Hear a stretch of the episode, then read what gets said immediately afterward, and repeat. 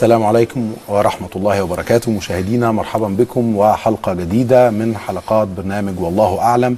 ومطروح الموضوع الرئيسي المطروح للنقاش من خلال هذه الحلقة أو التساؤل الرئيسي الذي نطرحه اليوم. هل يجوز الاطلاع على كتب الأديان الأخرى؟ وما هي أحكام الشريعة الإسلامية بشأن هذا الأمر؟ ما بين الآراء المؤيدة والمعارضة لهذا الأمر تحت مسميات كثيرة. ما بين من يرى أن هذا الأمر قد يؤدي إلى خلط الأمور أو يؤدي إلى معرفة دينية مغلوطة أو غير دقيقة بالنسبة للمطلع أو للقارئ. وما بين أيضا من يرى أو صاحب الرؤية التي تقول أن هذا يأتي في إطار احترام الإسلام لقيمة إعمال العقل وللحريات وللاطلاع على المعلومات وأنه ينبع أيضا من ثقة وقوة المعرفة الإسلامية الصحيحة والمعرفة الحقيقية بصحيح الدين وأن هذا يبيح أو يتيح هذا الاطلاع على كتب الأديان الأخرى. في البداية اسمحوا لنا أن نرحب بفضيلة العالم الجليل الدكتور علي جمعة عضو هيئة كبار العلماء. فضيلة الدكتور علي جمعة نرحب بك أولا. أهلا وسهلا بكم مرحبا. آه بداية كيف ترى أو ما هو موقف الإسلام وعلماء الفقه الإسلامي من قضية الاطلاع والمعرفة والقراءة في كتب الأديان الأخرى. بسم الله الرحمن الرحيم. الحمد لله والصلاة والسلام على سيدنا رسول الله وآله وصحبه ومن والاه. نعم. العنوان دقيق. الاطلاع على كتب الأديان الأخرى. فلم نحدد دينا. كل الأديان.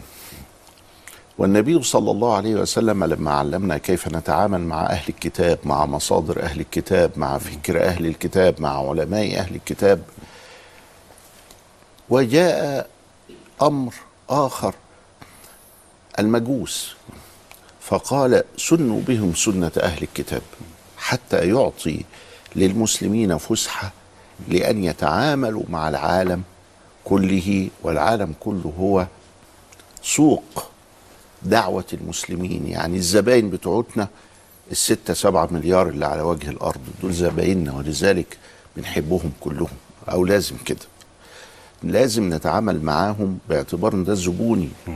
اللي واحد فيهم هيدخلني الجنة وهيسبب خلاص يوم القيامة لئن يهدي الله بك رجلا واحدا خير لك مما طلعت عليه الشمس وما غربت أو خير لك من حمر النعم.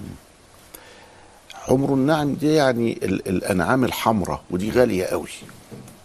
فحاجة غالية جدا بيقول لهم يعني تعبير معناه إنه دول الزباين بتوعنا. الاطلاع شوف الكلمة الاطلاع على مصادر الأديان الأخرى. فاذا هناك سعة في ما أطلع عليه وهناك اطلاع. الاطلاع أنواع. وهنا هو سبب هذه المقدمة الرائقة التي تقدمت بها لهذه الحلقة. بعض الناس بيقول ده لازم وبعض الناس بيقول إيه ده؟ ده مكروه. وبعض الناس بيقول لا ده حرام. أصل مورد كل واحدة منهم غير الثانية الاطلاع أنواع. النوع الأول هو طلب الهداية. وده بيأتي مع الحيرة مع الشك. أنا متشكك ومحتار وببحث. تحتاج إلى اليقين أو أبحث عن اليقين. لا أنا ببحث عن أي حاجة في أي حاجة. خلي بالك إن الحيره غير الشك غيرها. قد يكون الشك هو نوع من أنواع المنهج الذي تكلم عنه الغزالي ثم تكلم عنه بعد ذلك ديكارت. تكلم عنه توماس إكوينوس. الشك يبدو أنه أداة منهجية للوصول إلى اليقين. لكن الحيرة دي صفة يبدو إنها يعني مذمومة. أو خلينا نصطلح على هذا بدون دخول في فلسفة. الحيرة معناها إن واحد بيتلذذ بالحيرة عايش بيها. وده في النهاية مش عارف يعمل إيه بس هو مبسوط إن هو مش عارف يعمل إيه. بقى نمط حياة بالنسبة بقى نمط حياة. والله من الواحد ما عارف يعمل إيه يمشي يمين ولا يمشي شمال. ها آه. الواحد محتار ولا يقرر إنه يمشي يمين ولا يمشي شمال. ده ده ده ده رأيناه بس على فكرة النوع ده نادر. رأيناه رأينا من يطلع ثم يكون مع كل أحد. لدرجة إن ابن تيمية رحمه الله تعالى سمى هذا النوع الزنادقة. لماذا؟ لأنه ملوش مبدأ. أنت عارف لما تقول يا, يا أخي ده فلان ده ما عندوش دين ولا ليه مبدأ. حاجة زي كده. يعني إيه؟ يعني كل يوم قلب. يعني تجده وهو في المسجد وساجد ومع في ملكوت الله ثم يخرج فيفسد في الأرض. ليه يا عم بتعمل كده؟ يقول لك أنا واجد قلبي هنا واجد قلبي هنا. فهذا النوع من من لا يريد أن يعني أن يكون محتار في طلب الهداية. لا إحنا بنقول له لا. ما دمت قد وفقك الله سبحانه وتعالى للإسلام وقد من الله عليك بالإسلام وقد شرح الله لك قلبك بالإسلام فالهداية ذلك الكتاب لا ريب فيه هدى للمتقين. فلو سمحت الهداية لا نطلبها إلا من كتابك الذي من الله عليك به والذي جعله الكلمة الأخيرة للعالمين. نعم. على على ما يعتمد تصنيف حضرتك أو تسمية حضرتك لأنواع أو ألوان هذا الاطلاع. هل هي النوايا أو الإرادة الكامنة خلف أي نوع من أنواع الاطلاع؟ إرادة الإنسان منها أو إلى ما يهدف أم أي الأمور؟ طبعا هو الإنسان لابد أن يكون له هدف وإلا يكون عمله عبثا. ولذلك الإرادة دي هي التي سوف تتحكم في ذلك النوع. أنت بتطلع على هذا الكتاب من الحيرة طلبا للهداية لكن في نوع تاني خالص نهائي البتة وهو أنه يطلع من أجل أن يستفيد. ولقد مارس علماء الإسلام عبر القرون هذا النوع. مارسوه وكتبوا فيه مكاتب وابتدى الجدل الديني يحتدم مع المسلمين ومع غير المسلمين ابتداء من القرن الثالث الهجري. لماذا هذه المرحلة تحديدا؟ استقرت الدولة انتشرت الدولة قوي المسلمون بدأوا في إنشاء حضارتهم. الناس ابتدت تشوفهم. فشافتهم إنهم ناس مسالمين بيروحوا يتوضوا وبيروحوا يصلوا بيذكروا ما همش متشوفين لل- للفساد في الأرض. ما همش ناس بتحسن الجيرة مع إخوانهم. متصفين بحسن الخلق إلى بحسن. الخلق إلى آخره. فبدأ الناس يتفاعلوا معه ومن هنا مع التفاعل اللقاء يذيب ثلج ال ال ال الغربة. أنا مش عارفك لكن لما ألتقيك وأجلس معاك قوم سبحان الله تلات أرباع الخلافات اللي بيني وبينك تزول من اللقاء ده. جبال من التلج والغربة تروح باللغة. فالتقوا مع المسلمين بدأوا التقوا ولذلك لما آه، آه، ريتشارد بيليو عمل الكتاب بتاعه عن حضارة إيران وكذا ونشره في نيويورك سنة 1974 كتب فيه إحصائية غريبة جدا وهو أنه لما دخل الإسلام مصر والشام وإيران وكذا إلى آخره وبعد مئة سنة من الدخول كان عدد المسلمين في هذه البلاد خمسة في المئة. بعد مئة سنة. خمسة في المئة. خمسة في المئة. ده جابها من العشور وال... وال... والخراج وكذا إلى آخره خمسة في المئة. طب والخمسة وتسعين على ديانات أهل البلاد. الله يعني الإسلام ما دخلش بالسيف. ده بعد مئة سنة بقى خمسة في المئة. بعد 250 سنة ارتفعت في المئة إلى خمسة وعشرين في المئة. نتيجة ل؟ أساسا بالأسرة. في شوية أحكام عند المسلمين خلت الأسرة هي سبب الإسلام. الحكم الأول إن المسلم بيتجوز غير المسلمة لأنه بيحترم كل الأديان وبيقدس كل الأنبياء. نمرة اتنين المسلمة ما بتتجوزش مسلم. آه، إلا مسلم.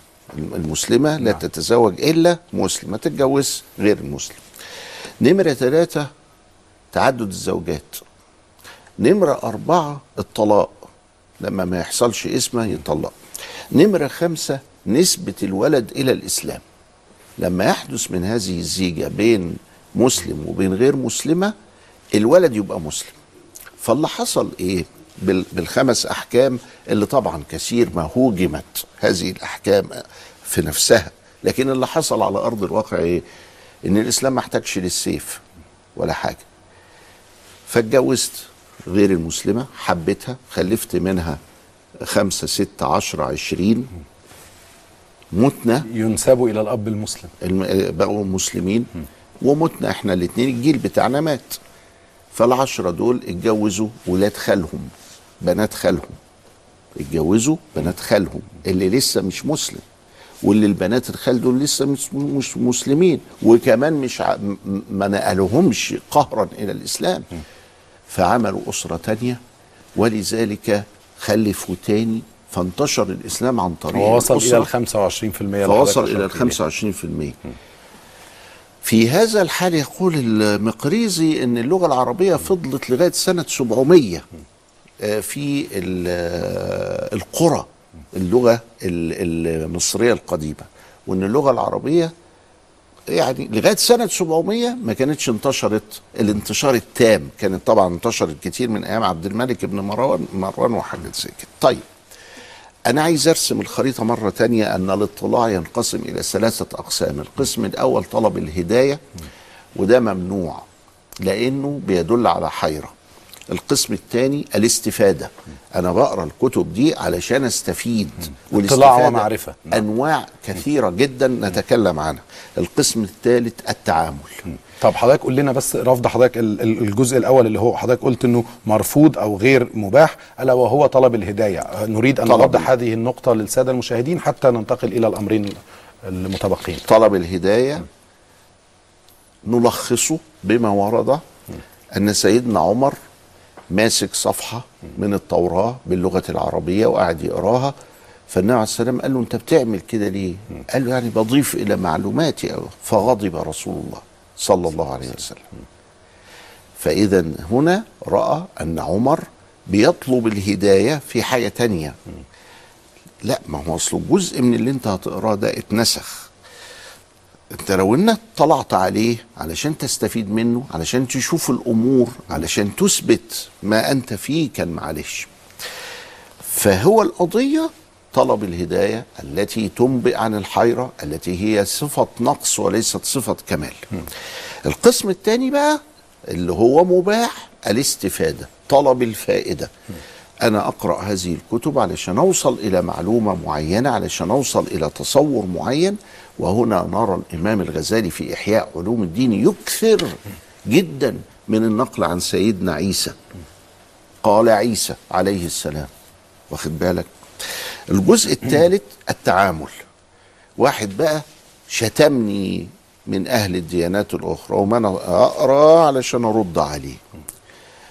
لقيت في حتة معينة إقامة شبهات على الإسلام وما نقرأ هذه الشبهات علشان أرد عليها وعلشان وعندي هنا ثلاث أقسام الرد عليه على من أراد آه، آه، تشويه الإسلام أو الهجوم عليه لما أرى أن مبادئه بتفسد في الأرض زي الملاحدة زي كذا إلى آخره. ونمرة ثلاثة هو البيان. إن أنا أبين للناس إن أنا بقول للناس يا جماعة أنا مش كده أنا كده أهو أهو. وهذا أدي- الأمر آه، الذي أشرت إليه هذا القسم الثالث أيضا محمود هذا الأمر محمود. ان أمرين أرد أو محمودين. أتأمل حتى أرد من خلال معرفة حقيقية بصحيح الدين. الاستفادة والبيان محمودين وعليهم آلاف الكتب في التاريخ الإسلامي. طلب الهداية هو فقط اللي ممنوع لأنه يدل على الحيره آه، سنتوقف مع فاصل قصير ونعود لنبدأ في طرح تساؤلات على فضيلة العالم الجليل الدكتور علي جمعة حول من يملك العلم ومن يمتلك القدرة على التمييز في القراءة والفهم والتحليل ومقارنة الأديان حتى لا تختلط الأمور حتى وإن كانت النوايا محمودة وصادقة من أجل الاطلاع والمعرفة وفهم الأمور عن الآخرين أو عن غير المسلم ولكن دون أن يكون الأمر متعلق بطلب الهداية الذي قال فضيلة الدكتور إنه مرفوض بالنسبة للمسلم لأنه يجب أن يهتدي بما لديه من القرآن والسنة. سنعود لاستكمال آه، هذا الحوار ولكن بعد أن نتوقف مع فاصل وبعد متابعة التقرير التالي.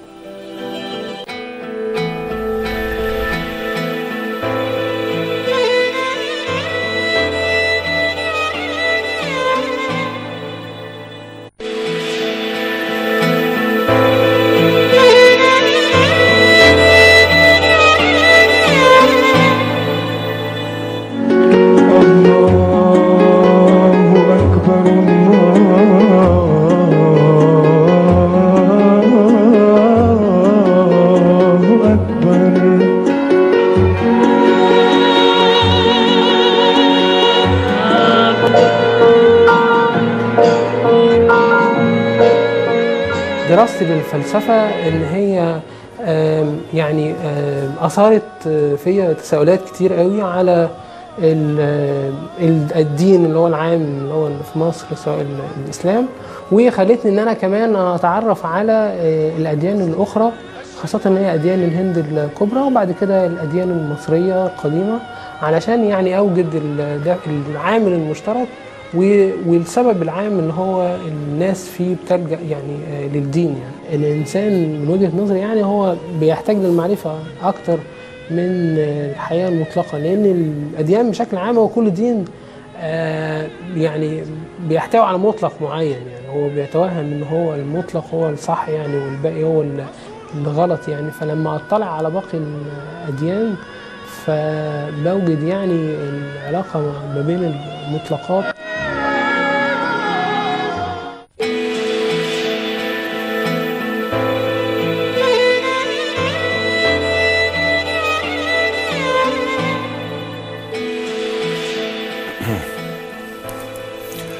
فضيلة الدكتور علي جمعة آه، بداية آه، تعقيب حضرتك على آه، ما أشار إليه هذا الباحث حسن كمال من خلال هذا التقرير.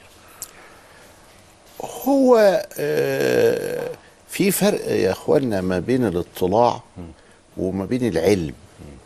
العلم له أركانه ومكوناته ومن هذا العلم الأستاذ والكتاب والمنهج وطول الزمان كما يقول الإمام الشافعي. آه، فأنا سامع في وداني دلوقتي خلط ما بين مطلق الاطلاع الذي هو للتسلية والعلم العلم. ليه مصطلحاته وليه كيفياته. ف آه، آه، كل دين ليه مطلق فأصبح فيه مطلقات. وقال الكلام- بيبحث عن العلاقة بين المطلقات التي تحتوي آه، عليها آه، هذه الك- الأديان الكلام ده الكلام ده من الناحية العلمية محل بحث طويل خالص. اللي هو بيطلبه ده انه إنه يبحث في كل الأديان حتى يرى المشترك حتى يثبت لكل دين أن هناك نورا في دينه. يمكن أن يكون هو المشترك الذي نجلس عليه. هذا الذي هو يقوله عمله محي الدين بن العربي. ولما عملوا واحد فيلسوف كبير ضخم زي محي الدين بن العربي وجه يكتبه عجزت اللغة نفسها عن تحمل ما يكتبه. فاختلف الناس. لصعوبة وتعقيد المعاني أم لماذا؟ لأنه أراد أن يدخل الموسع في المضيق دون أن يتسع المضيق أو يضيق الموسع. إذا حبينا بقى يعني ندخل فلسفيا يعني. إن أمور لا تحتمل بعضها. يعني حضرتك جبنا إبرة وأردنا إن إحنا ندخل السلبة بتاعة السفينة ال- الحبل بتاع السفينة في الإبرة الصغيرة. ففضلنا نعمل كده. مستحيل. فمستحيل لازم ينوسع الإبرة وتبقى حاجة ضخمة جدا علشان السلبة تدخل فيها. يا إما نخلي السلبة فتلة علشان تدخل فيها لكن ندخل الاتنين مع بعض حتى يلج الجمل في سم الخياط مش ممكن. الجمل هيدخل في خرم الإبرة. لازم نعمل حاجة. ينصغر الجمل ينكبر الإبرة. فده معناته اللي اللي خلى الناس تختلف في محي الدين إيه؟ انه بقى ليه ترمينولوجي ليه مصطلح. قائم بذاته. بيقول إيه المصطلح ده في النهاية بقى؟ بعد أعمار راحت. أعمار مش آه الحكاية مش تسلية الحكاية مش يعني مش لعبة. قال إن في نور موجود في كل الأديان وهذا النور يمكن أن نجذب أهل الأديان إليه وهي نجلس علشان نشوف النور ده فين. وجه في حتة معينة وجه آه، قال كل الأديان ليها نور زي النجوم. والإسلام لما طلعت الشمس الإسلام ده الشمس فما بقاش فيه آه، نجوم. بس النجوم موجودة. بس الضوء بتاعها مش ظاهر يعني كلام معقد وكلام عايز مناقشة وعايز كذا إلى آخره. كله ده وهل تراه قد يؤدي إلى خلخلة الأفكار الموجودة لدى الكثيرين أو إلى اضطراب في الفكر أم لا؟ عمليا بقول لك الناس اختلفوا فيه. ناس قالوا ده الشيخ الأكبر والكبريت الأحمر وناس قالوا ده زنديق كافر. ال- الواقع إنهم اختلفوا فيه. المحققون والعلماء وأهل الله بيقولوا لا ده راجل كبير جدا وده هو غاية العلم ومنتهاه والفتوحات المكية التي ألفها شيء رائع رائع رائع لأنه بقلب مفتوح بعقل مفتوح بحب استطاع أن يتفهم الآخر ولكن بعلم وليس بمجرد ثقافة أو نعم. اطلاع سؤال عارض بس انطلاقا من كلام حضرتك ونعود سريعا لموضوعنا الرئيسي لهذه الحلقة ولكنه ليس ببعيد عن القضية الرئيسية. هل حضرتك ترى وهذا الأمر يعني مثير للجدل ومطروح على مدار عقود إن الأمور الدينية أدق التفاصيل وأبعد الأمور ال- ال- الخاصة بالعلوم الفقهية والدينية تحتمل فلسفة كل ما فيها أم أن هذا الأمر لا يحتمل فلسفة أو المنهج الفلسفي في التعامل مع كل القضايا الدينية؟ في وفي. ما حضرتك أنت بتسأل الآن عن البحر. عن آه، ستة مليار عندهم أكتر من 3000 دين الناس تعرف لها تلات أربع أديان لكن ده في على الأرض خاصة أخونا ال- الباحث بيقول إن أنا مهتم بأديان ال- ال- الهند. أديان الهند آه، مش الهندوكية بس. ده أديان الهند لا في الهند لوحدها حوالي 300 دين موجود. وفي في الهندوكية شيء غريب جدا. وهو أن الخلاف في العقيدة هو نوع من آ- الخلاف في الفقه عندنا. يعني شوف إحنا كمسلمين أنت حنفي وأنا مالكي ده شافعي ده جعفري ده مش عارف ظاهري ده إباضي ده زيدي. فقه.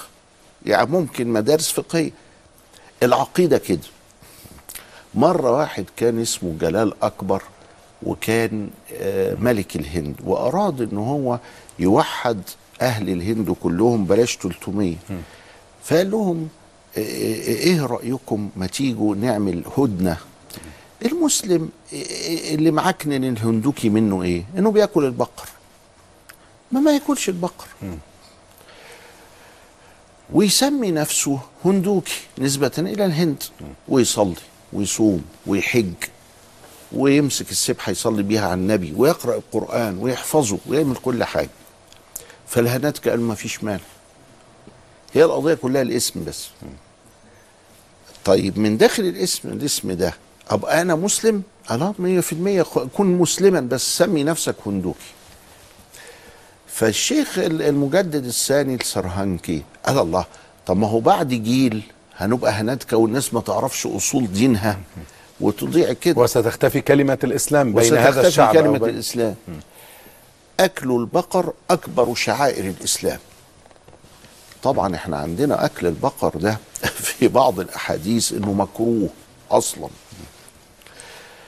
آه، آه، آه، لبن البقر حلو وأكل البقر حلال وكل حاجة. لكن شوف لما يحول هذا الفرع الفقهي اللي هو مباح إنك تأكل البقر ولا ما تأكلش. أنت حر.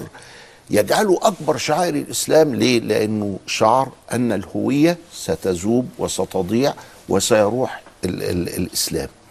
باقتراح بسيط جدا وهو إن خليك يا أخي على إسلامك زي ما أنت وزود فيه وهنعمل لك مدارس وم- و- وأماكن وكوميونتي أو مجتمعات مجتمع. وحاجات زي كده. ولكن فقط الاسم بس مش عايزين منك الاسم. شوف حتى شوف عقيدة واحدة بتشتمل تحتها على عقائد غريبة جدا. وأنا لا أتصور إزاي يعني يعني ما عندهمش أي لما سألت في لما زياراتي في الهند واصطدمت مع المنبوذين فبقول لهم الله هو المنبوذ ده افرض إنه أسلم. والمنبوذين دول نص الهند. قالوا خلاص ما يبقاش منبوذ. الله طب ما مش مسلمين ليه؟ ليه بيتحملوا البلاء ده؟ يعني هم بيتحملوا أنهم أخس خلق الله ديانة علشان ينجو ويخلص عند الله. طب ما بلاش الهم التقيل. قالوا كانوا في مشروع سنة 36 بانهم يسلموا فكل ال- الهندوة يعني وقفوا ضد هذا المشروع بطرق مختلفة. طيب ماشي. يبقى اذا اللي إحنا سمعناه في التقرير ده هو نعم. يحتاج إلى أدوات مش اللي بيقولها الباحث. اذا ما هي الأدوات التي يحتاج إليها هذا الأمر؟ العلم. وليس إنه يمسك كتاب يقراه. والعلم لازم أستاذ علشان يعلمه المداخل والمخارج. والعلم لابد من مناهج والعلم لابد فيه من كتب أساسية والعلم لابد فيه من علوم مساعدة والعلم لابد فيه من وقت. ده, ده كلام بالغ الأهمية فضيلة الدكتور ويطرح عدة تساؤلات. الأمر مرتبط يعني أكثر من أمر حديث حضرتك عن الهندوكية. نحن نريد أن نتحدث عن أولا حكم الشريعة الإسلامية في الاطلاع أو القراءة في كتب الأديان الوضعية. وثم سأنتقل معكم إلى الأمر الآخر المرتبط بالفارق بين الشخص المؤهل إلى الفهم والدراسة والتعمق في البحث والقراءة وعلى لديه القدرة على مقارنة الأديان وبين من يمكن أن يتسبب له هذا الأمر في ضرر بالغ في معرفته الدينية الصحيحة. نريد أن نبدأ أولا بالقضية الأولى التي هي حكم الشريعة الإسلامية في القراءة في كتب الأديان الوضعية. ما كلمة الوضعية أنا بس عايز أفهمها لأن بقول لك إحنا عندنا ثلاثة آلاف دين لكن المجوسية عندهم كتاب الصابئة عندهم كتاب الهناتكة عندهم كتاب الفيدا. فماذا تقصد بكلمة ما؟ أقصده أنا أو آه، ما فهمته أنا من أكثر من عالم تحدث عن هذا الأمر قال إنه ما ليس من الرسالات السماوية الثلاث يعتبر من الديانات الوضعية التي هي من من وضع أو من فكر البشر ويمكن أن تصحح لنا هذا الفهم للكلمة آه، آه، لما قال سنوا بهم سنة أهل الكتاب تبين أن هذا ال- ال- المجوسي اللي معاه كتاب من زرادشت إنه في احتمال أن يكون زرادشت ده كان نبيا ثم حرف دينه. الفيدا الفيدا قديمة جدا لدرجة ما نعرفش مين هو اللي نزلت عليه الفيدا ده. في حاجة اسمها إنجيل بوذا وفي ما بين البوذيين الكمبوديين والبوذيين اليابانيين اختلاف. هل البوذية عندها كتاب ولا لأ؟ فلو كانت عندها كتاب وهذا الكتاب منسوب وهذا الن- النسبة بيقولوا عليها إنه وحي. يبقى اذا في دعوة وفي حقيقة. فكلمة وضعية تحتاج إلى تحرير وأنا أريد أنا راجل بتاع تحديد المصطلحات. لكن في بقى أديان وضعية صحيح بقى مية في المية. في أديان وضعية زي مثلا البهائية. في أديان وضعية زي التينيا سيكيو. التينيا سيكيو في نبية ظهرت سنة 32 وقالت أنا نبي قلنا لها انت نبيه من عند الله؟ قالت لا. أنا شايفة روحي كده إن أنا قادرة إن أنا أعمل حاجة. والتينيا سيكيو بنت آه، ديانتها على الطهارة وكذا إلى آخره. والسؤال الآن هل يجوز لي أن أطلع على مؤلفات التينيا سيكيو؟ آه يجوز لك إنك تطلع على سبيل المعرفة على سبيل الاستفادة أو على سبيل التعامل بالتنيا سكر ولكن ما هي ضوابط هذه الإباحة لهذا الاطلاع ولا حاجة. المعرفة؟ لا توجد ضوابط عليها. لا توجد ضوابط إن آه، آه، حضرتك ما دمت في مجال الاستفادة في مجال التعامل. أدي الضبط. اقرأ علشان تتعلم. زي ما أنا قريت كده عن التنيا سكيو ورحت لهم وشفتهم في طقوسهم وأنهم بانيين كل الحكاية دي على النار. ليه يا جماعة على النار؟ قال ان النار فيها صفاء وبهاء وكذا إلى آخره. طيب والنبية هي حفيدة النبية الأولى اللي أسست الديانة. بيسموها prophet يعني نبي يعني. طيب ماشي. جوزها يمتلك ال ال الوديان والقرى اللي هي تبع زي وقفية للتانية سيكو. فركب معايا في العربية وقال لي أنا عايز تاخدوا ولادنا ويبقى لهم دين. قلت له هو ده جائز في التنيا سيكيو إنه ينتقل من التنيا إلى أي حاجة؟ قال لي آه جائز. قلت له أمال أنتوا إيه؟ قال ده مذهب أخلاقي. عايز الإنسان يبقى هادي يبقى حلو يبقى جميل. والإسلام بيعمل كده. فخدوه. قلت له طب إحنا لا بناخد بالعدد ولا بناخد إلا بالإقناع بالاطلاع بكذا إلى آخره. فنعمل خطوة أولانية إنه نعلم أولادنا اليابانية ونعلمكم العربية ويحدث التلاقح فيأتي الدين الإسلامي بعد ذلك بعد الفهم وبعد الوعي. فوافق. وساعتها أنا عرضت عليه عرض غريب وهو أن يقوم بالتكلفة كلها فوافق. وقلت له إيه سر عرضك ده؟ ده معنى كده إن التانية سيكيو دي هي ما هياش كفاية لشباب قال لي الأخلاق الأمريكية أهلكت الدنيا. الولاد ابتدوا يتأثروا بالأخلاق الأمريكية. مش عايز يتجوز وعايز يعيش حياة خارج الأسرة وما فيش احترام للكبير وفي تمرد تام ولذلك إحنا خايفين على العيال لما يدخل الإسلام الإفراط في المادية اللي نعم. موجود في مجتمعات غربية أو كثيرة. المسيحية أو الكذا أو يعني يبقى له دين لكن التانية سيكو ده مذهب أخلاقي وهم بيسموه دين على فكرة نعم. شوف شوف اللبس إلى أي حد فاطلاعي ده على التانية سيكو مباح طيب ما عندكوش كتب؟ فجاب لي بروشورات كده يعني بروشور يعني ورقتين ثلاثة يعني ما فيش الكتب ال- اللي هي تديلك في إيه الحكاية.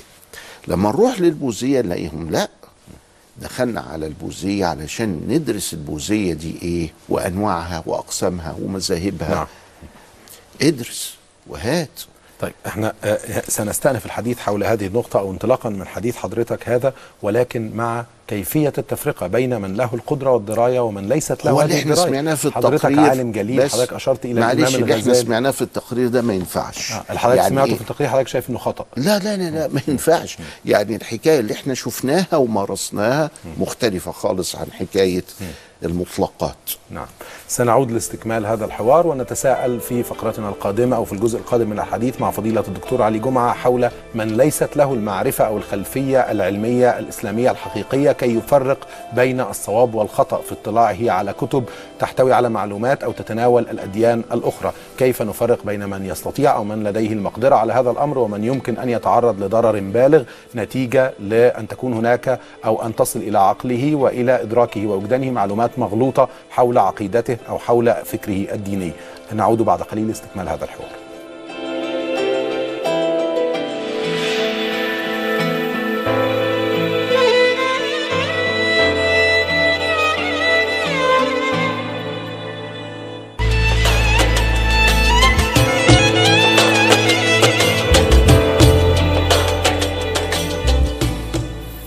مشاهدينا أهلا بكم من جديد وفيما يلي نستأنف هذا الحوار مع فضيلة الدكتور علي جمعة عضو هيئة كبار العلماء حول الأحكام الشرعية الخاصة بالاطلاع والقراءة في كتب الأديان الأخرى. فضيلة الدكتور علي جمعة آه، قبل ما نتوقف مع الفاصل كنت بسأل حضرتك عن الفارق بين من ليست لديه الدراية والمعرفة الدينية وبينكم وبين الإمام الغزالي وبين العلماء الذين لديهم القدرة والمعرفة التي تسمح لهم بالتفرقة والمقارنة. إيه الخط الفاصل أو المرجعية التي يجب أن يعود إليها المطلع عشان ما تختلطش أموره الدينية أو العقائدية؟ هنقولها مرة تانية وهنقولها مرة تالتة ورابعة وخمسة العلم. بنقول العلم لأن إحنا قدامنا برنامج ساعة ونص متاخد منه شوية فواصل. العلم معناه إنه في أستاذ في منهج في كتاب في علوم مساعدة في وقت وزمن. أخي لن تنال العلم إلا بستة سأنبيك عن تأويلها ببيان ذكاء وحرص واجتهاد وبلغة وإرشاد أستاذ وطول زمان. المشكلة بتاعت الشباب الآن التكاوي إنه عايز ياخد معلومات من النت ويلزقها ويكمل من مخه ثم بعد ذلك يبقى هو ده الحقيقة. لدرجة إن بعضهم بيقول إن الحق هو ما تخيله وفرضه في ال Second Life ال ال ال الواقع الافتراضي للحياة الثانية التي ليست هي الحياة الحقيقية هنا. إحنا بنقول له لا الاطلاع على هذا في جزء كبير منه اسمه طلب الهداية وده غلط لأنك محتار. لازم يبقى ليك مرشد علشان تدخل في هذا. لكن في استفادة آه ممكن نستفيد وملهاش أي قيود إلا إنك تكون استفادة. وأنت داخل بتطلع بتشوف هو في إيه ده اسمه إيه بيفكروا إزاي. وفي تعامل وده لا يكون إلا للعلماء. مرشد هنا بمعنى أستاذ أو عالم يمكن أن أعود. لمناقشته؟ آه مش مرشد الاخوان المسلمين مفهوم. على أنا كل دي حال. تحديدا وقفنا عندها آه هم سرقوا الكلمة دي مرشد الثورة مرشد الإخوان مرشد مش عارف إيه من اللغة العربية سرقوها. لكن هو مش مرشد الإخوان المسلمين إنما هو العالم. العالم اللي كرهوه هؤلاء الناس. المهم أنا عندي قضية ثلاث قضايا. هدايه بلاش هدايه ما تطلبش الهدايه وفي استفادة والاستفادة هي عبارة عن بعض المعلومات وفي تعامل والتعامل لا يكون إلا قائما عن علم. إيه الحدود الفاصلة؟ إن العلم ليه أركان والأركان بتاعته خمسة. والخمسة بتقول أن تكون طالبا وهناك أستاذ وهناك منهج وهناك كتاب وهناك جو علمي يشتمل على زمن ويشتمل على علوم مساعدة. حضرتك بتقول أنا هطلع على أديان الهند الكبرى. لازم علشان تطلع على أديان الهند الكبرى إنك تبقى عارف ال terminology بتاع أديان الهند الكبرى. بمعنى اللغة المستخدمة المصطلحات التي مصطلحات. يعتمدون عليها. هل حضرتك مطلع قوي قوي في ال terminology بتاعهم؟ ولا ما انتش قوي؟ ولا هي بس كده أنا أصلي بدرس أديان؟ القضية هنا تحتاج إلى وقت تحتاج إلى علم آه وعندنا الكلام ده في جامعة الأزهر حاجة اسمها مقارنة الأديان وحاجة اسمها أديان الهند الكبرى. ولكن ما يكونش متخصص فيها إلا اللي بيجيد اللغة اللي اتكتبت بها هذه هذه اللغة اتكتبت باللغة الفرنسية وباللغة الإنجليزية. وباللغة السنسكريتية. اتعلمت السنسكريتي علشان تتعامل معاها لا. طب اتعلمت إنجليزي؟ أهو في تراث كويس لا بأس به ترجمت إلى الإنجليزية. ابدا. طب هتفهم طب إزاي هتفهم الانفراد؟ إزاي؟ هتفهم بس كده تقول إنك أنت قريت لمظهر كتاب ولمش عارف مين كتاب والدكتور أحمد شلبي الله يرحمه قريت له كتاب فبقيت علامة كبير يعني في الحاجات دي طب اطلع اطلع. بس أنت مش هتوصل لحاجة كده. اذا الخريطة واضحة. الهداية التي نتجت عن الحيرة بلاش منها. الاستفادة متاحة بس تكون للاستفادة وعرفنا الاستفادة يعني إيه؟ يعني طلب الفائدة محض الاطلاع لذة شهوة المعرفة والتعامل ولا يكون إلا قائما عن علم. نستطيع أن نتعامل مع هذه المادة وأن نقارن بينها وبين الدنيا. المشكلة بتاعت الشباب أنه يريد التمرد ويريد التكاوي وبسرعة. وهو ده المشكلة اللي واجهناها في الأربعين سنة الماضية. لما كنا نقول لهم تعالوا تعلموا في الأزهر بيقول لا ده أنا هقرأ المغني لابن قدامة وأبقى فقيه المسلمين. نهايته إيه؟ نهايته الأخ صفوت حجازي. نهايته الدم اللي عملوه في ربعه. نهايته الدم اللي عملوه في الشوارع الآن. إزاي؟ ما هو محدش بيقرأ المغني لابن قدامة من غير شيخ لكن هو قراه من غير شيخ. ومحدش بيدعي انه هو بقى عالم بالشكل ده هو في 40 يوم. لكن هو قراه في 40 يوم. يعني هنا حضرتك بتؤكد إن بعض ألوان المعارف الدينية المختلفة تحتاج إلى التوازن الذي يحققه ويحدثه وجود هذا العالم الذي يمكن أن يراجع المطلع ويصحح له بعض المفاهيم الخاطئة في قراءته. نعم. طيب فضيلة الدكتور بماذا تفسر صدور أو خروج بعض الدعاوى أو الفتاوى في بعض الدول العربية والإسلامية للرأي العام هناك من جهات رسمية؟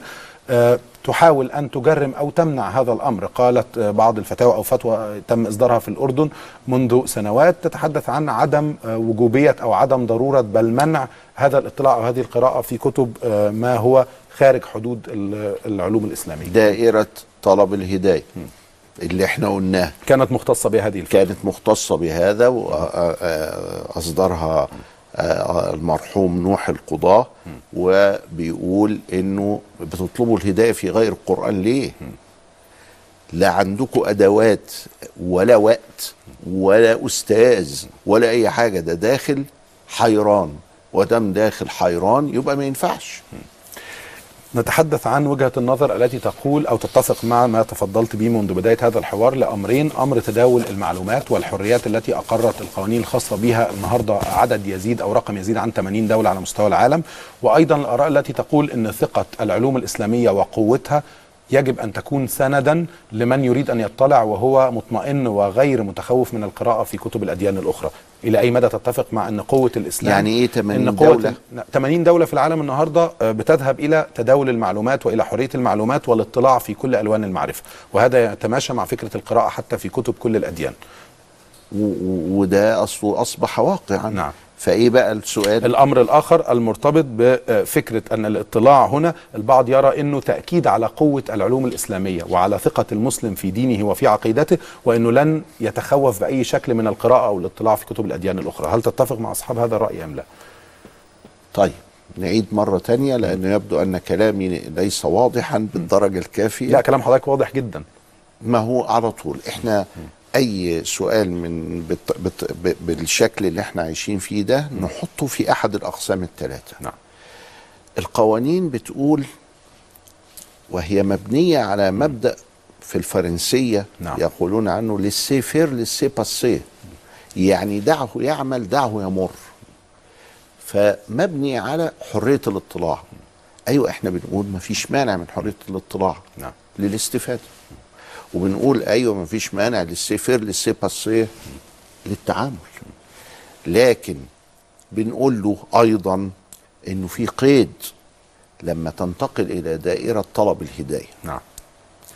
فإذا كلامنا واضح جدا أننا لو كنا في دائرة طلب الهداية فإننا سوف نتقيد وهنتقيد بمصادرنا ودي اللي عليها فتوى الأردن ودي لا علاقة لها بأن 80 دولة بتتيح المعلومات. ما هي بتتيح المعلومات ما هو لازم تتيح المعلومات علشان نمرة واحد الاستفادة. فلازم أشوف الفيدا ده مكتوب بأنهي لغة. ثم أشوف هو مكتوب فيه إيه. لما ي... الفيدا ترجم إلى اللغة الإنجليزية كمثال يعني. نعم. لما تقرأ ما تعرفش منه حاجة ما تفهمش فيه حاجة. بيقول لك ان وانت ماشي بتلاقي شجرة فبتستظل تحتيها فبتسقط تفاحة عليك فانت ماشي في حتة تانية فوجدت آه، يعني آه، طريق طويل آه، والشمس محرقة وحاجات كده. طول النهار طول ال- العشر أبواب اللي فيه بيتكلم بلهجة يعني كأنها رمزية. علشان أنا أدرك ما معنى هذا الكلام وكيف يؤدي هذا الكلام إلى التأثير في النفس البشرية. وأبحث زي أخونا آه، صاحب التقرير عن المطلق في هذا. عايز أقرأ شراح الفيدا. وشراح الفيدا عملية واسعة جدا ومكتوبة بلغات قديمة والفيدا نفسها ما كتبتش في عصر واحد. ودي لها خمس تلاف سنة ولا أربعة تلاف سنة وأضيف إليها. علشان أقعد أدرس بالشكل ده. والربط بين الرموز اللي حضرتك أشرت إلى إنها مالية ال- الكتابات آه نفسها. و... ما أنا لازم يبقى في معلومات عندي. وبعدين أصطدم أن التأويل يختلف وأن هناك مدارس كثيرة جدا وصل بيها الحال إلى حالة القرابين البشرية. من الفيدا نفسها ولذلك لازم كل سنة يذبحوا واحد ويقربوه إلى الإله. لما دخل الإنجليز 1830 بدأوا آه، يصطدموا بها كده إزاي يعني تذبح واحد إزاي؟ قال ما هو مبسوط. قال له لو كان مبسوط قلنا له في اتفاق يا أخي بيننا وبينه إن إحنا نذبحه. التراضي بالتراضي. فما فيش. يعني كمان ما بعد مدارس ما بعد الحداثة ما وصلتش لكده. في فيلم يمكن الناس بتشوفه اسمه المعبد الملعون. والمعبد الملعون بيقص هذه القصة الطائفة التي هي من الهناتكة اللي كانت بتقدم القرابين البشرية واستطاع الرحالة الإنجليز أنهم يدخلوا جواها وأنهم يلغوها. وألغيت هذه ال- القضية. وفضلت تتطور الأمور. كان من العقائد الهندوكية أن المرأة الذي يموت زوجها تحرق معه تحرق حية. وبعدين اصطدم هذا مع مقررات العصر مع روح القوانين لمونتسكيو مع آه، ال- ال- العالم وما تقرر فيه من إلغاء العبودية مع إبراهام لينكولن من كذا إلى آخره. فأنا وأنا بدرس وأنا بعرف المطلق وأنا عايز أربط هذا المطلق بكذا لازم أ- لا لازم حد يرشدني. والحاجات ولازم أبقى مؤهل في الأساس إن أنا أفهم الحاجات. اللي قاعد أقراها دي. ولذلك بسأل أنت في أنهي دايرة؟ خلي بالك وسمي الدايرة بتاعتك صح. لكن محض لذة المعرفة مش هتوصلك لحاجة. التكاوي وبسرعة أوام أوام مش هيوصلك لحاجة. والحيرة اللي حضرتك قلت إن البعض أوجدها لنفسه واتخذها كنمط حياة. كنمط حياة مش هيوصلك لحاجة. ولذلك حط الأمور في نصابها. مشاهدينا آه، نتوقف مع فاصل قصير ونعود بعدها لاستكمال هذا الحوار ونبدأ في استعراض عدد من آه، رسائل SMS اللي جات لنا على فيسبوك وتويتر وتكون جزء من هذا الحوار مع فضيلة الدكتور علي جمعة.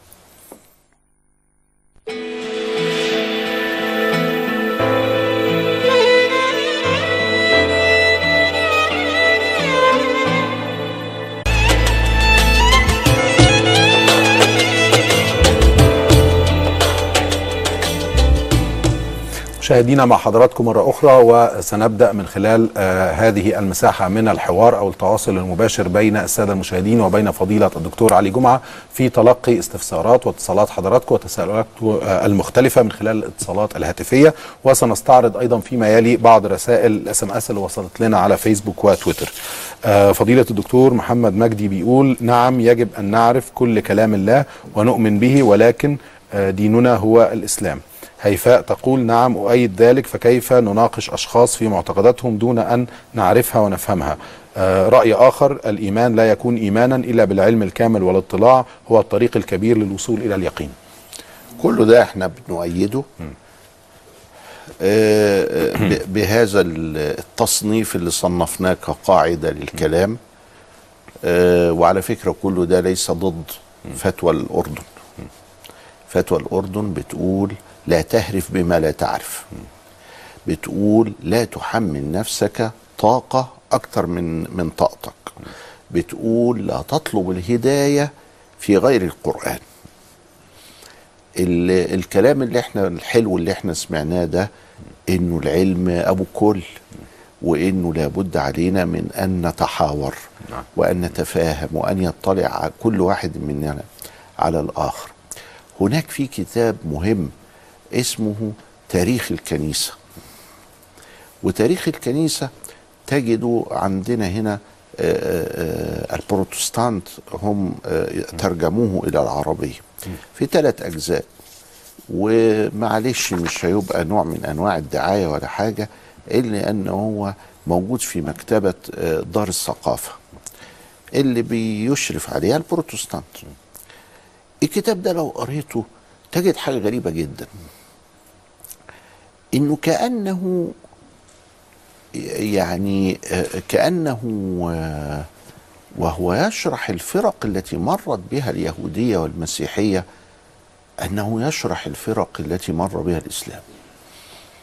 وأنت ماشي كده تقول الله دول دول الجماعة الفلانيين. الله؟ طب ما هم دول زي عندنا. الج- وهذا يدل على وهذا يدل على أن أن كل ذلك من مشكاة واحدة. ويدل على أن سنة الله في كونه واحدة. ويدل على آه، حديث افترقت اليهود على 71 فرقة وافترقت النصارى على 72 فرقة وافترق وسيفترق المسلمون على على 73 فرقة. يعني دي من سنن الله في كونه انه يحدث خلاف بين الناس. القضية بقى اللي أنا عايز أوصل إليها أن المدرسة البروتستانتية عندما قامت في الديانة المسيحية في مواجهة الكاثوليك أو الكاثوليك مرت بتجربة. التجربة دي ممكن جدا إن إحنا نستفيد منها. هل هل تسمح لنا فضيلة الدكتور أن نستعرض هذه التجربة التي مرت بها الديانة البروتستانتية عقب تلقي بعض الاتصالات. التي تنتظر نعم. المشاركة؟ لو أنا خلصت كده بالنسبة للتعليق ده نعم. اللي هي الاستفادة. الاستفادة. أستاذ عمر اتفضل. السلام عليكم. عليكم السلام ورحمة الله وبركاته. أنا اولا أحب أرحب بالشيخ الجليل آه، الأستاذ علي جمعة وأحب أرحب بالإعلام الكبير. شكرا جزيلا لحضرتك. اتفضل يا أستاذ عمر سؤالك. أوكي. أنا بس كان عندي سؤالين بس.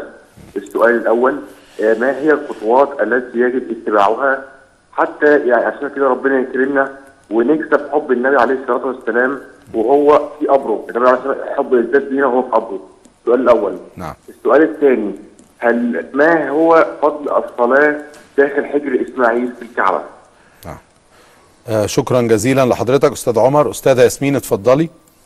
أنا كنت عايزة أسأل عن الحجاب. يعني أنا لابسة الحجاب من فترة وبعدين مش حاسة دلوقتي إن أنا قادرة أكمل ولا إن أنا مبسوطة بيه ولا أي حاجة من الحاجات دي. مش حاسه إن أنا قادرة أفضل مكملة فيه لو قلعته حلال ولا حرام؟ ولو فضلت لابساه وأنا كده برضه باخد عليه ثواب ولا ما باخدش عليه؟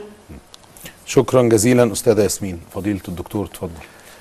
آه، بالنسبة لل- للأخ عمر بي- بيسأل عن الخطوات التي يعني تقربنا و و و وتحدث الحب في قلبنا للنبي صلى الله عليه وسلم. أول هذه الخطوات في الحقيقة هو كثرة الاطلاع على السيرة النبوية.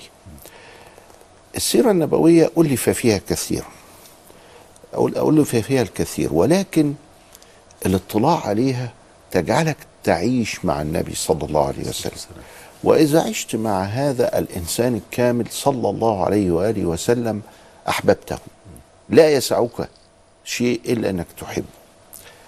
وعلى فكرة المشركين في مكة أحبوه فكانوا يضعون عنده ودائعهم وهي دي الودائع اللي خلى سيدنا علي ينتظر حتى يردها إليهم بعد الهجرة. نعم. طب أنتوا مش مؤمنين بيه؟ وكمان في عداء وفي خصام ومتضايقين منه لغاية ما ما ما ما, ما خد بعضه وهاجر. لكن كانوا بيحبوه أبو لهب الذي نزل فيه آه، قرآن يتلى إلى يوم الدين. كان يحب رسول الله صلى الله عليه وسلم. وأول ما ولد آه، آه، آه، أعتق ثويبة. فرح. وفرحته دي هتخفف عنه العذاب يوم القيامة. ولما أولاده كبر عتبة وعتيبة خطب البنتين أم كلثوم ورقية بنات سيدنا النبي. الحمد لله إنهم ما دخلوش آه، بيهم والحمد لله إنهم سابوهم. قال يعني إيه؟ إغاظة لسيدنا النبي ولكن كان يحبه. ال- آه، فخطوات حب النبي تتأتى أولا بالسير. نمرة اتنين بكثرة الصلاة عليه صلى الله عليه وسلم. وبالمناسبة فإن النهاردة أو امبارح يا 20 إبريل يا 21 إبريل يعني نقدر نقول يوم ميلاد النبي. بس بالميلادي. فهو ولد امبارح أو النهارده. النهارده يوم الاثنين فتبقى توافقات عجيبة إن تبقى 21 هي يوم الاثنين. فهو آه، صلى الله عليه وسلم طبعا ميلاده إحنا بنحتفل بيه في 12 ربيع وكذا إلى آخره. ده من الناحية القمرية. ولكن برضو دي بن التقويم الميلادي أو بالتقويم الميلادي. وبنقول للمسلمين كل سنة وأنتم طيبين برضو القضية الثانية إيه فضل الصلاة في إن أنا نصلي في حجر إسماعيل؟ نعم. هو في الحقيقة حجر إسماعيل من الكعبة. ففضل الصلاة فيه اولا هي لابد أن تكون صلاة نافلة. ما ينفعش إن أنا أصلي فيه الفريضة. لأني لو صليت فيه الفريضة أبقى مستقبل بعض الكعبة مش كل الكعبة. فلازم أصلي الفريضة برة. ولذلك تلاقي العساكر بتقفل الحجر في صلاة الفريضة. محدش يصلي جوه لأنه تبقى صلاته باطلة. والفضل بتاعه إنك كأنك صليت في الكعبة. جوه. جوه الكعبة. جوه الكعبة. وطبعا صلاة جوه الكعبة أيضا أنت بتستقبل بعض الكعبة ولذلك فأنت تصلي فيها النافلة فقط ركعتين لله أربعة عشرة لكن فقط تكون إيه؟ النافله وليس النافله الفريضة. وليس الفريضه طيب. تسمح لي حضرتك نتلقى مجموعة من الاتصالات في انتظار المشاركة قبل إجابة حضرتك عن السؤال الآخر من أستاذة ياسمين. معانا أستاذة أميرة اتفضلي. ألو السلام عليكم. عليكم السلام ورحمة السلام. الله وبركاته. آه، أنا عندي سؤالين. اتفضلي. آه، اولا في حد من صحابي قالوا لي إنه الخمرة مش مش حرام ومش من الكبائر وقالوا لي انه مفيش آية في القرآن أو حديث بيقول إن الخمرة من الكبائر فعشان كده بالذات إن مفيش حاجة في القرآن فعشان كده هي مش حرام وممكن شربها عادي. طيب السؤال الثاني يا أستاذة أميرة؟ السؤال التاني آه كتير قوي دخلت في محادثات مع ناس آه بيقولوا إنه المفروض بس ال- الإسلام بيعتمد على القرآن الكريم ومش أحاديث الرسول عليه الصلاة والسلام وإن أحاديث الرسول الرسول دي مش عارفين هي جاية لنا منين. فما ينفعش نعتمد عليها. هو بس ديننا آه ناخده من القرآن مش من أحاديث الرسول طيب شكرا جزيلا لحضرتك. أستاذة سهام اتفضلي. السلام عليكم. عليكم عليكم السلام ورحمة السلام. الله وبركاته. آه لا هو أنا عندي تعليق تعليقين تعليق على الحلقة اللي هي حلقة القوامة وتعليق على الحلقة دي. تعليق حلقة القوامة إن أنا بقترح على فضيلة الشيخ إن هي تبقى المناهج الدراسية تبقى ماشية بالتدريج من أول الأطفال ما بيبتدوا يفهموا في مدارس من الابتدائي ان هو إزاي يتعامل مع اخته إزاي يتعامل مع زميلته إزاي يتعامل مع امه من الناحية الإسلامية.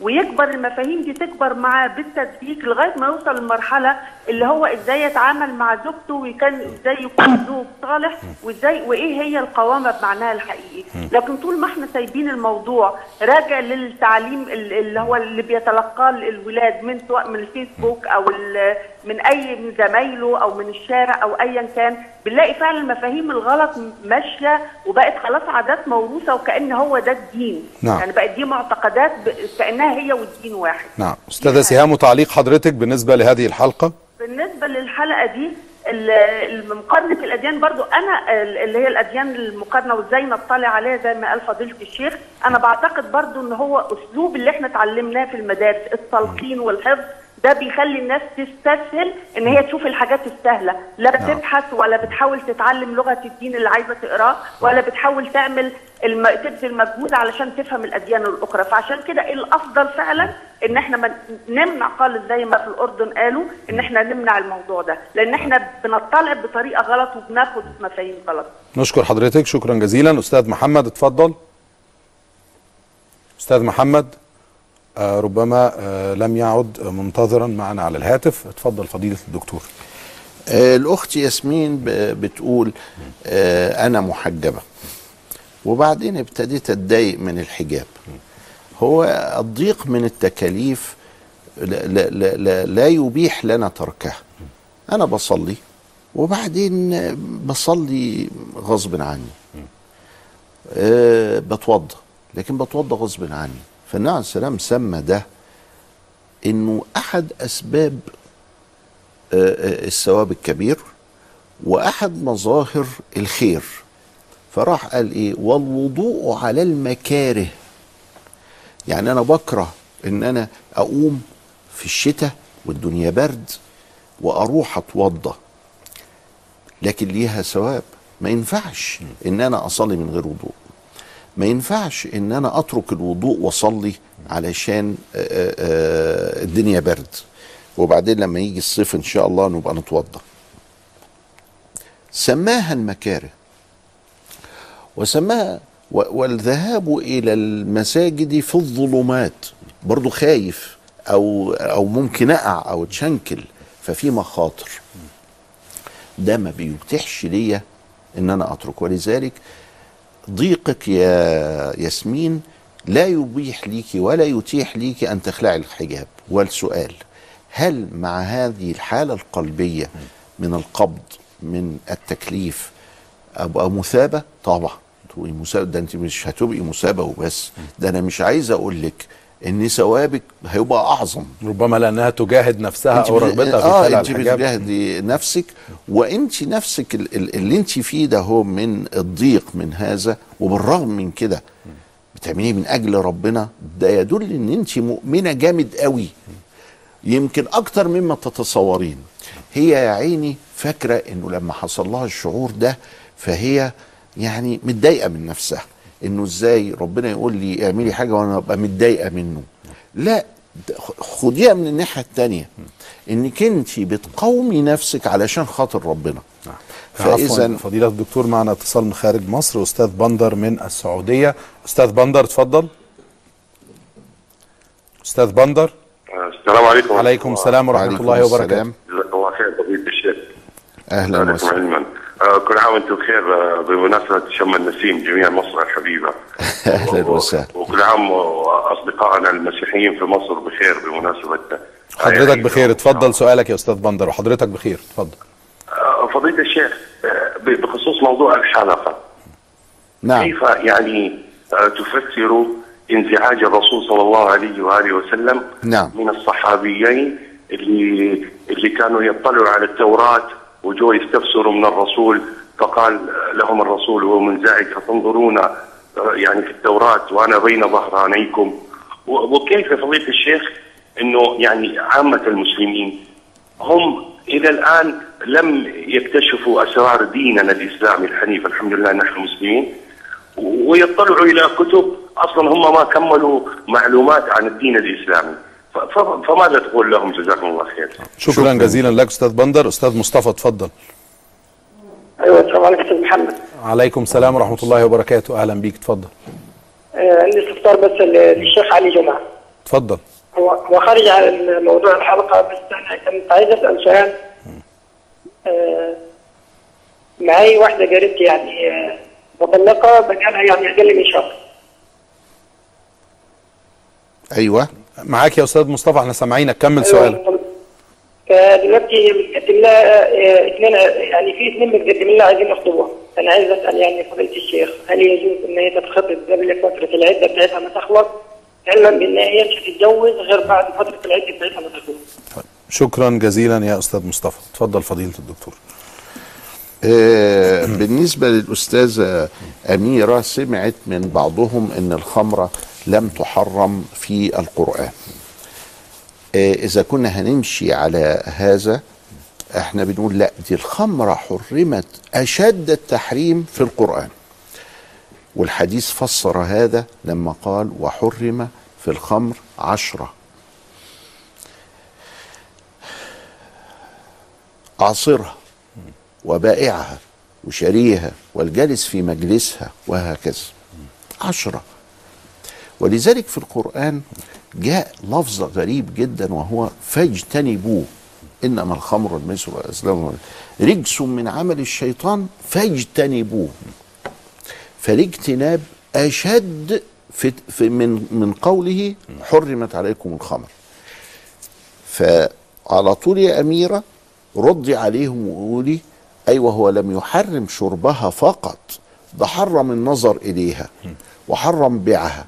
وحرم إنبات العنب علشان يتباع لعصرها. ده حرمها من الأول للآخر. لغاية النظر إليها ما ينفعش أقف قدام محل خمر وأنظر إلى أزايز الخمر. هم تملي يعملوا أزايز الخمرة عجيبة وغريبة وحلوة ولميع وكذا إلى آخره فما ينفعش إن أنا أنظر إليها. النظر إلى الحرام حرام. وفي القرآن ليس هناك تحريم للزنا. على نفس الطريقة. ما فيش آية بتقول حرمت حرم عليكم الزنا. إنما فيها إيه؟ بيقول ولا تقربوا الزنا.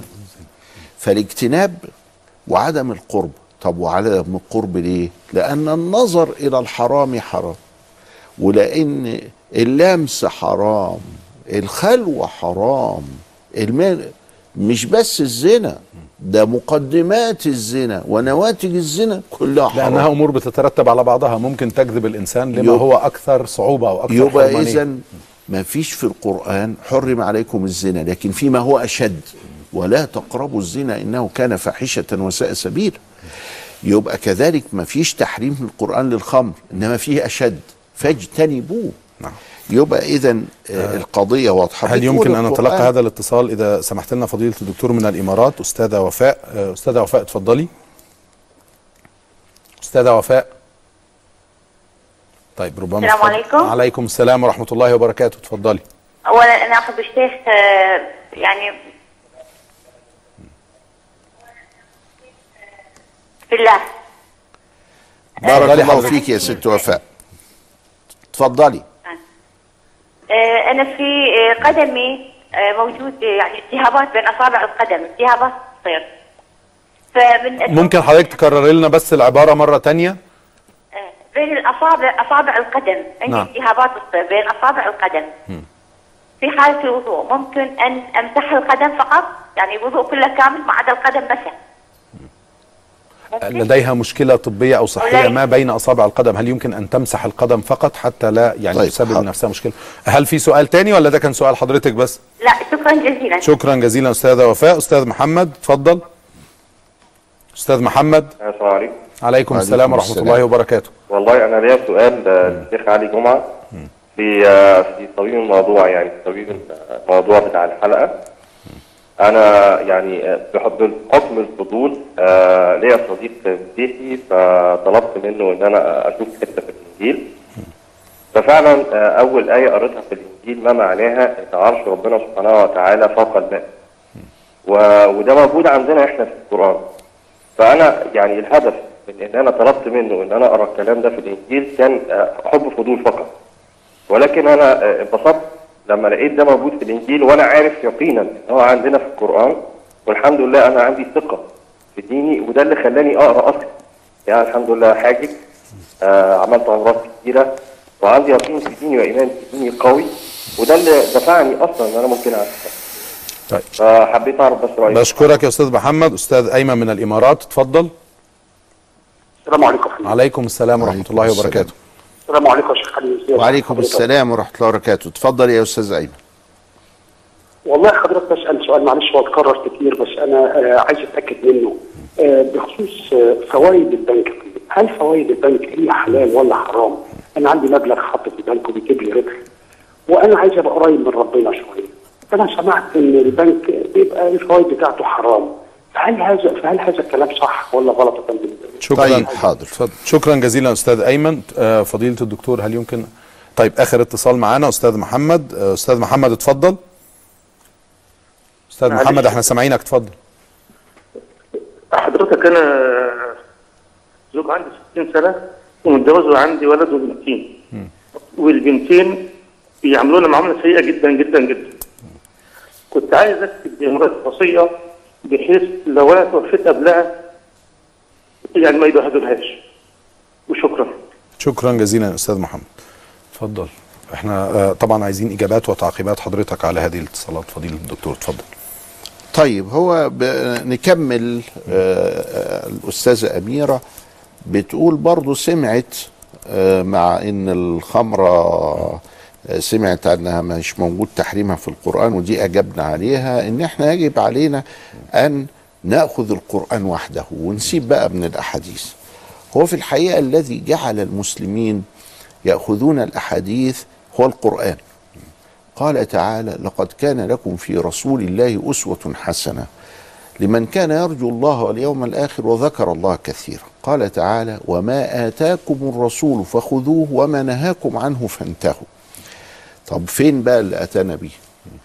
اللي فين الأسوة الحسنة؟ وكان بيعمل إيه؟ هو بيقول إيه؟ فوجدنا فعلا أنه بيقول وبيعلمنا مواقيت الصلاة اللي ما هيش موجودة في القرآن. بيعلمنا الظهر أربعة مش موجود في القرآن. بيعلمنا كيفية الصيام ونعمل إيه لو حصل إفطار. بيعلمنا إزاي نطبق الكفارات. بيعلمنا البيع والشراء والزواج والقضاء. بيعلم لقينا أنه هو المذكرة التفسيرية للقرآن الكريم. ومن هنا الكريمة. فإننا اعتمدنا السنة وخلينا لها أسانيد زي القرآن الكريم. القرآن وارد بأسانيد والسنة واردة بأسانيد. القرآن فيه قراءات شاذة لكن السنة فيها ضعيفه وارتسم هذا عند علماء المسلمين وضبطوا الأمور ووضعوا قواعد للفهم. فلما يجي واحد عايز يلغي كله ده بشهوة نفسه. طب وهيعمل إيه في تطبيق القرآن الكريم؟ مش هيعرف يطبقه. وكان عندنا واحد اسمه محمد نجيب. محمد نجيب ده كان رئيس مصلحة التليفونات سنة 52 ولما قامت الثورة بتاعت يوليو أم محمد نجيب ده هو بقى وزير ال- المواصلات لمدة 23 يوم. محمد نجيب كان يرى إن إحنا ناخد القرآن بس وإنه بلاش السنة. ومات سنة 60 1960 ألف 13 كتاب في غاية الضحك. الكتب دي بتقول إيه؟ بتقول والله ما هو فيش في القرآن أنا هاخد القرآن بس. فين الصلاة في القرآن بقى؟ قال قوله تعالى والعصر. إن الإنسان لفي خسر. قال والفجر وليال عشر والشفع والوتر. وعدد. الكلام ده هو لقاه عشر صلوات. قال طب نصلي إزاي؟ قال فاقرأوا ما تيسر منه. فراح قال طب يبقى الواحد يقول الله أكبر أو يقول الرحمن أكبر. فذكر اسم ربه فصلى. يعني حاجة سهلة كده أهو. الرحمن أكبر أو الرحمن. وبعدين يقرأ ما أراد من القرآن. وبعدين يسجد الأول وبعدين يركع وفضل ياخد حاجات من القرآن أدت إلى هذا الأمر المضحك اللي هو عشر صلوات في اليوم كل واحدة ركعة بس ونسجد الأول قبل الركوع ونعمله كده. والراجل بمضي مدة تبين له إنه في حاجات في القرآن عجيبة الشكل وكان بيقول حاجات مضحكة جدا لغاية ما خرج عن دين المسلمين. وعلى فكرة هو خرج كده يعني هو بالأشياء اللي هو بيقولها دي. لما أنكر السنة وكان صادقا من قلبه أن ينكرها خرج عن الإسلام. وبعد كده لا خرج عن الإسلام فعلا بقى والحد ومات ملحدا ف يا أميرة القول بالقرآنية فقط ده طريق مش سليم لأن القرآن هو الذي أمرنا بأن نأخذ بالسنة نعم. الأستاذ أسهام بت- بتقترح إن القوامة وإن البحث العلمي والعقلية العلمية المدربة إنها تبقى في مناهج التعليم وأنا متفق معاها 100% لأننا في بلاء شديد من عدم المنهجية. آه، الأمر الأخ- الآخر المتعلق بهذه الحلقة كان للأستاذة سه- سهام تعليق أيضا على إنها شايفة إن في أمور كثيرة تستوجب التدقيق والمراجعة قبل ما نقول للناس حسب كلامها يعني اقروا واطلعوا والناس ما عندهاش. كلامها مية في المية صحيح بس ما هوش مرتبط بالحلقة دي بس. ده أنا بقول لها كمان كلامك في القوامة أمس كان صحيحا وكلامك اليوم كان صحيحا وكلامك بكرة هيبقى صحيح. وهو أننا قد ضربنا في مقتل وهو التعليم. ولذلك فقدنا عند كثير عند جماهير كبيرة التفكير المستقيم. فلا بد أن نعود مرة ثانية. الأخ آه، بندر بيقول يا جماعة هو إحنا خلصنا الإسلام لما هنعمل. ماشي. ولذلك قلنا إن التقسيم ثلاثي. أما طلب الهداية والحيرة فإحنا معاك يا أخ بندر ولكن طلب الاستفادة لمن يريد الاستفادة أو التعامل لمن يريد التعامل فهو باقي على ما هو عليه ولا ينقض ما تريد لأنك أنت بتريد جانب معين زي الفتوى الأردنية والسؤال اعم من كده. فيه طب أنا عايز. أحول تعليقه لسؤال لحضرتك. أعتقد إنه كان يقصد آه، فضيلة الدكتور إذا آه، خيرت بين أمرين أو طلب منك مواطن مصري أن تختار له بين أن يبدأ بأمر من أمرين. إنه يقرأ أكثر في علوم إسلامية لم ينتهي من قراءتها أو الاطلاع فيها أو أن يقرأ في كتاب لا يقرأ في العلوم الإسلامية. نعم. بس السؤال غير كده. والأولاد مش عايزين كده. الأولاد بيقولوا كفاية خنيقة وسيبونا نطلع زي ما إحنا عايزين من. غير ضابط ولا رابط. فبنقول لهم اطلعوا ولكن بالضابط والرابط. يعني القضية هنا إنه ده سهل. اللي جاي يقول لي اطلع على الإسلام ولا اطلع على غير الإسلام فأقول له اطلع على الإسلام. لكن مش ده سهل. الواقع اللي إحنا قدامه دلوقتي. بس مش هو ده الواقع المخوف اللي حوالينا. الواقع المخوف اللي حوالينا واللي إحنا خايفين منه إن في ناس عايزة تتفلت من كل شيء. إزاي نحدث توازن نتعامل به مع هذه الرغبة مع هذه الرغبة. نعم. أما إحنا متفقين مع بندر اتفاق تام. الأولويات ترتيب آه. الأولويات. آه. نعم. آه، آه، الأخ مصطفى, مصطفى. بيقول إن إحنا عايزين نخطب واحدة قبل مضي العده ده ممنوع بنص القرآن وبنص السنة. لازم شهور العدة آه، آه، آه، تمضي. ولا يجوز أن نوعدها آه، نكاحا قبل العده طيب الست وفاء بتقول في حاجة عندها في القدم ما بين الصوابع. نعم. ساعات يسموها تنية أو شيء من هذا القبيل. فالشافعية عندهم بقى الجمع بين الطهارتين تتوضأ وشها وإيديها وتمسح راسها وكذا إلى آخره وتمسح على رجلها اللي هي قدر عليه لأن الميسور لا يسقط بالمعصور وبعدين تتيمم. يعني تجمع بين الطهارتين وتمشي على طول كده. طيب آه الأستاذ أيمن بنقول لك بوضوح بعد القانون في 2004 للجهاز المصرفي المصري البنوك ماشية حلال. وده جهاد طويل جاهده المصريون لغاية ما طلعوا القانون ده. القانون بيقول إن اللي بيقوم به البنك تمويل وليس قرضا وإن الأرباح اللي بيجنيها هي أرباح وعوائد وليست ربا. وانه انه القانون بيقول كده الجهاز المصرفي بني على هذا من سنة أربعة.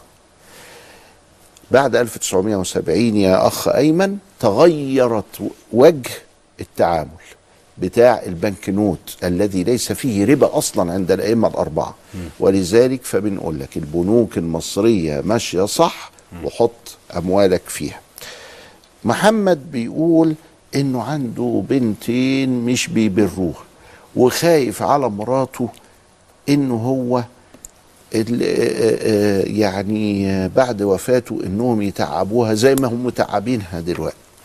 فهل ليه إنه يكتب شيئا لزوجته آه يكتب في عين حياته ما يريد لزوجته. يكتب في عين حياتي ما يريد. طب والوصية؟ يجوز الوصية للزوجة؟ بدل ما تاخد التمن تاخد تمن زائد تلت بس في حدود التلت. يبقى اذا لو أراد أن يتبرع للزوجة بأي حاجة وهو في الحياة الدنيا يفعل. طب عايز يكتب لها نص البيت ونص الغيط ونص اللي عنده مفيش مانع لأنها هبة.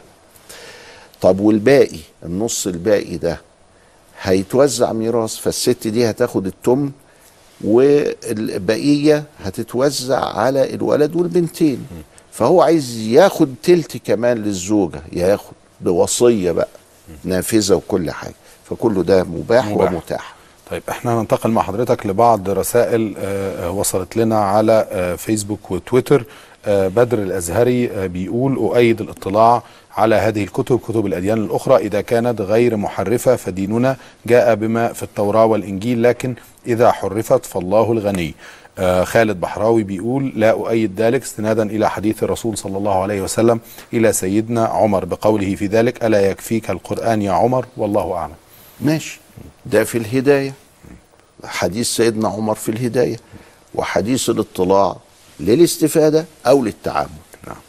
آه، هبة صلاح آه، نعم فهذا من متطلبات العلم كل آه، من آمن بالله وملا يعني كل آمن بالله وملائكته وكتبه ورسله. هي هنا بتستند طبعا إلى النص الصريح في هذا الأمر. كل آمن بالله وملائكته وكتبه ورسله. لا نفرق بين أحد من رسله. بتقول نتعلم كي نعلم عظمة ديننا ورسولنا الكريم صلى الله عليه وسلم. هو أصلا اللي حصل في التاريخ. ربنا سبحانه وتعالى الذين يتبعون الرسول النبي الأمي الذي يجدونه يجدونه مكتوبا عندهم في التوراة. والإنجيل. طب عايز أنا أبحث عن النبي ده؟ ما لازم أقرأ. فين هو النبي؟ في الإنجيل وفي التوراة وفي كذا إلى آخره. فالقضية هنا ده, وجهني ربنا إلى القراءة. بس قراءة علم قراءة استفادة قراءة طمأنينة مش قراءة حيرة مش قراءة طلب للهداية إنما طلب للاستفادة. وطلب لل- لل- للتشاور والتحاور وطلب لعمارة الدنيا. المدرسة الأندلسية جلسوا كثيرا مع المسيحيين ومع اليهود من أجل الوصول إلى اسم الله الأعظم الذي هو مخفي في أسمائه سبحانه وتعالى. وكان لهم أبحاث طويلة في هذا. إحنا تعاوننا في حوار منتج ومثمر مع العالم كله. واطلعنا على أحوال الهند وكذا وألف البيروني تحقيق ما للهند من مقولة مرذولة في العقل أو معقولة يعني يعني مقبولة ولا مرذولة. إحنا لا إحنا أنتجنا نتاج هائل وأيضا رددنا على آه، آه، كاهن قبرص. لما جه يشتم الإسلام أو يلسن عليه أو كذا إلى آخره قلنا له لا تعالى بقى. ده حاصل كذا كذا كذا كذا كذا. آه، آه، هداية الحيارة. آه بيهدي الحيارة. شوف الكلام. فإذا هو في ثلاث دوائر ولازم وإحنا بنتكلم نشوف إحنا قصدنا أنهي دايرة. نتحرك انطلاقا من أي من هدف أي من. هذه الأهداف. نعم.